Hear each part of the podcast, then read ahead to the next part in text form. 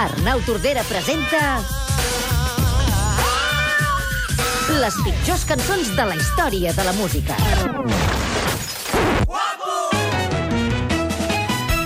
Guapo, m'ho diuen quan passejo. Guapo, quan festejo. Arnau Tordera, bon dia, com estàs? Bon dia, encantat de compartir una estona més amb dos personatges de la bellesa tan commensura- incommensurable que teniu posat. Que és mono, l'Arnau. Comencem forts, eh? L'Arnau és el líder dels Obeses, probablement la millor banda de la història de la música en català, líder de masses, terror d'adolescents, ànima d'estadis. És per això que es pot permetre el luxe de criticar algunes de les llegendes musicals que envolten el nostre univers. Arnau, En efecte, ben observat totes i cadascuna de les veritats que has ofert a, a l'audiència.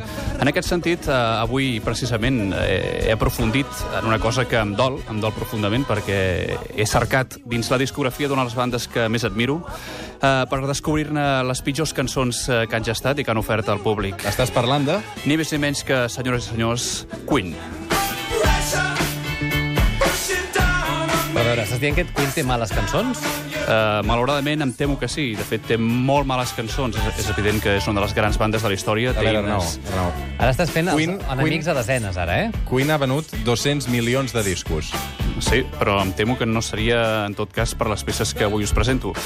Eh, potser Això és per... Under Pressure, una de les seves eh, cançons més popularitzades, sens dubte. Sí, ho és, però en aquest cas em nego a considerar que aquesta és una peça de Queen eh, absolutament en termes generals. És a dir, és una peça feta per Queen i David Bowie, amb el que això suposa. És a dir, amb tot el respecte per la figura de Bowie, eh, sempre considerat un artista interessant en tot l'àmbit de la dimensió artística, però precisament en la qüestió musical, doncs, eh, mai m'ha acabat de convèncer en cap dels sentits possibles. No està al nivell d'Obeses. Eh, això, per descomptat... No, no, és una observació certa, en termes estrictament musicals. No, no, estic molt seriós, ja. Uh, en aquest sentit, he de dir que Under Pressure és una peça malaurada de la discografia de Queen, uh, peça de, de Hot Space, segurament pels fans que realment admirin la banda, eh, considerat el pitjor disc de la història de Queen. I en aquest sentit, és a dir, vull remarcar sobretot la, la línia de baix que acompanya aquesta cançó, és a dir, les primeres notes de la peça que ja han sonat i que són les més identificatives, no? És a dir, eh, em sembla increïblement decepcionant que un grup capaç de gestar himnes com We Are the Champions o Bohemian Rhapsody o Bicycle Race ofereixi una peça tan deficient com aquesta. Però quin és el problema de la línia de baix? Bé, sobretot la absolutament Scotty. Ara Bé, en no n'hi aquest cas no, ha desaparegut. Però eh, és, és, és, no hi ha un reforçament musical. Queen s'ha caracteritzat sempre per ser un grup que tracta la melodia amb una cura i una perfecció absoluta en tots els sentits. I quina mica de deixadesa, vols dir? Absolutament, és a dir, aquesta cançó és un acudit. Fins i tot n'estic absolutament convençut que per ells és un acudit i va sorgir com a tal. I afortunadament, diguéssim, des del punt de vista econòmic els hi va sortir prou bé, perquè Sí, la tant, societat diràs. eh, és com és. Molt bé, més cançons de Queen que no et convencen, Tordera. Una altra cançó nefasta, en aquest cas, des del meu punt de vista, la pitjor cançó de la història de Queen. Una Alerta. peça, una peça que sorprenentment doncs, va tenir força èxit i que eh, va ser recollida sempre en els, en els àlbums de Greatest Hits. Es tracta de Radio Gaga.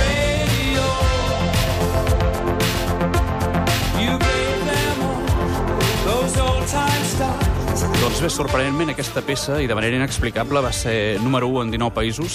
Home, doncs alguna cosa deu voler dir, això, no, Tordera? Mm, Sí, és a dir, eh, la cultura musical d'aquests 19 països encara té moltíssima feina a fer. Eh, En aquest sentit, deixa'm dir només una anècdota que crec que és prou representativa del que és Ahà. la peça, que de fet és de Roger Taylor, el bateria. No vull pas insinuar res, eh, però en aquest sentit els bateries sempre han estat un, un punt a part no, en l'univers musical. Eh, doncs bé, la cançó va ser inspirada per una frase que va pronunciar el seu fill. Eh, la frase en concret era Radio Caca. Radio Caca. A partir d'aquí, doncs, La van va- adaptar a... va evolucionar a Radio Gaga, Ahà. però jo entenc que, diguéssim, aquest eh, petit incís eh, del germen de la peça ha seguit la- latent absolutament fins a dia d'avui. La següent cançó que a l'Arnau Tordera no convenç es diu Sweet Lady.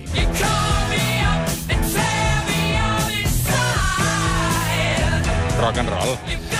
Exactament, és a dir, aquesta peça forma part del millor disc de la història de la música, A Night at the Opera, eh, però conegudíssim per tots, però en efecte, és a dir, sorprenentment, eh, en aquest disc meravellós amb el qual Queen doncs, en aquell moment va invertir tot el que tenia i més, eh, i van a parar aquesta peça, és a dir, ho trobo inexplicable, una peça que no té cap atractiu comparat amb les peces que l'acompanyen en aquest disc, és a dir, una peça que desentona absolutament en la qualitat global del disc, sense cap encant, sense aquesta màgia que tenen les grans peces de Queen, i que a hores d'ara segueixo pensant que va ser un error absolut incorporar-la al llarg d'aquest repertori. No està malament. Uh, doncs a mi, la veritat, Galzeran, tu que ets un tio, un home clàssic Sí, uh, llegit més. musicalment, Jo els tenia els Queen per un grup de qualitat i bastant inqüestionables, i veig que el Tordera ho qüestiona tot, eh? Per cert, una cosa. Uh, Queen encara està de gira, Freddie Mercury va morir fa molts anys.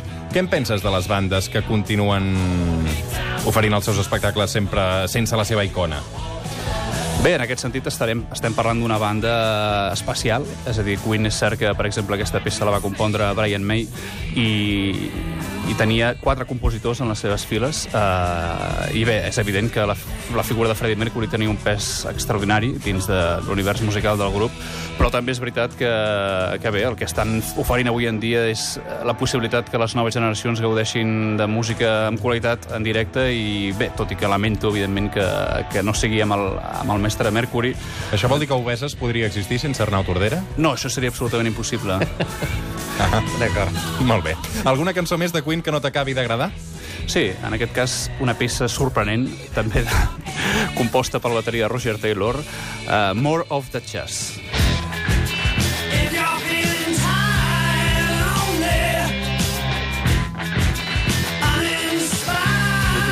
Coneixia, eh? Diguem-ne que de jazz eh, en té Sí, poca cosa, poc, sí. potser. Sí, en efecte, com, com tot el disc, que, de fet, que també s'anomena Jazz.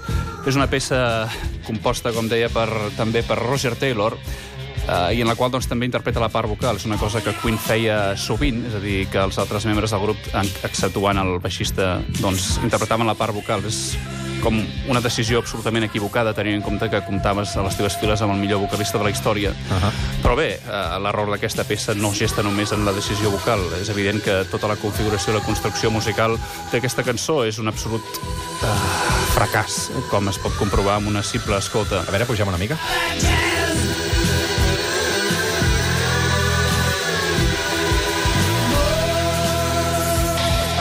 uh, ja veiem que això no t'acaba de ser... No, en efecte.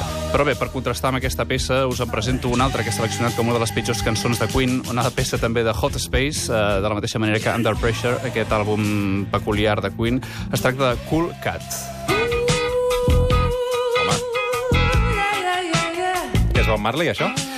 Bé, exactament, això és un dels mals més grans que, que suposa aquesta peça dins el repertori de Queen. Que, que, quina era la voluntat que, que hi havia darrere la composició d'una peça d'aquest estil? No ho entenc.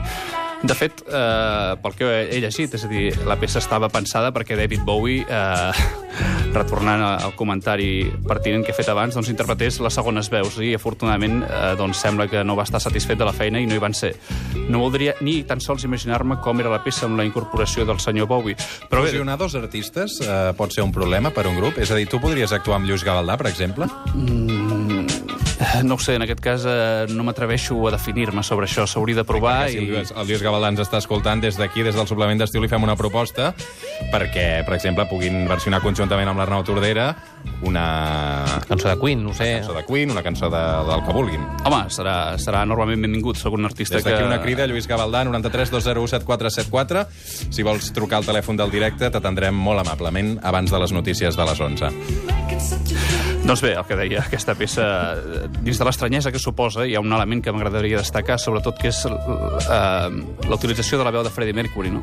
Sempre s'ha... L'ignorància eh, de la gent global, és a dir, amb qui també comparteixo, sempre ens encamina a pensar que Freddie Mercury utilitzava molt el falset, i això és absolutament fals. És a dir, Freddie Mercury té molts pocs frasejos llargs en falset, però en aquesta peça està interpretant tota la, tota la qüestió vocal a través d'aquesta tècnica i, malauradament, demostra que no, no era el seu millor mecanisme. Avui amb l'Arnau Tordera hem repassat les pitjors cançons de la història de Queen. Arnau, ha estat un autèntic plaer tenir-te un dia més al suplement d'estiu. El plaer sempre és meu.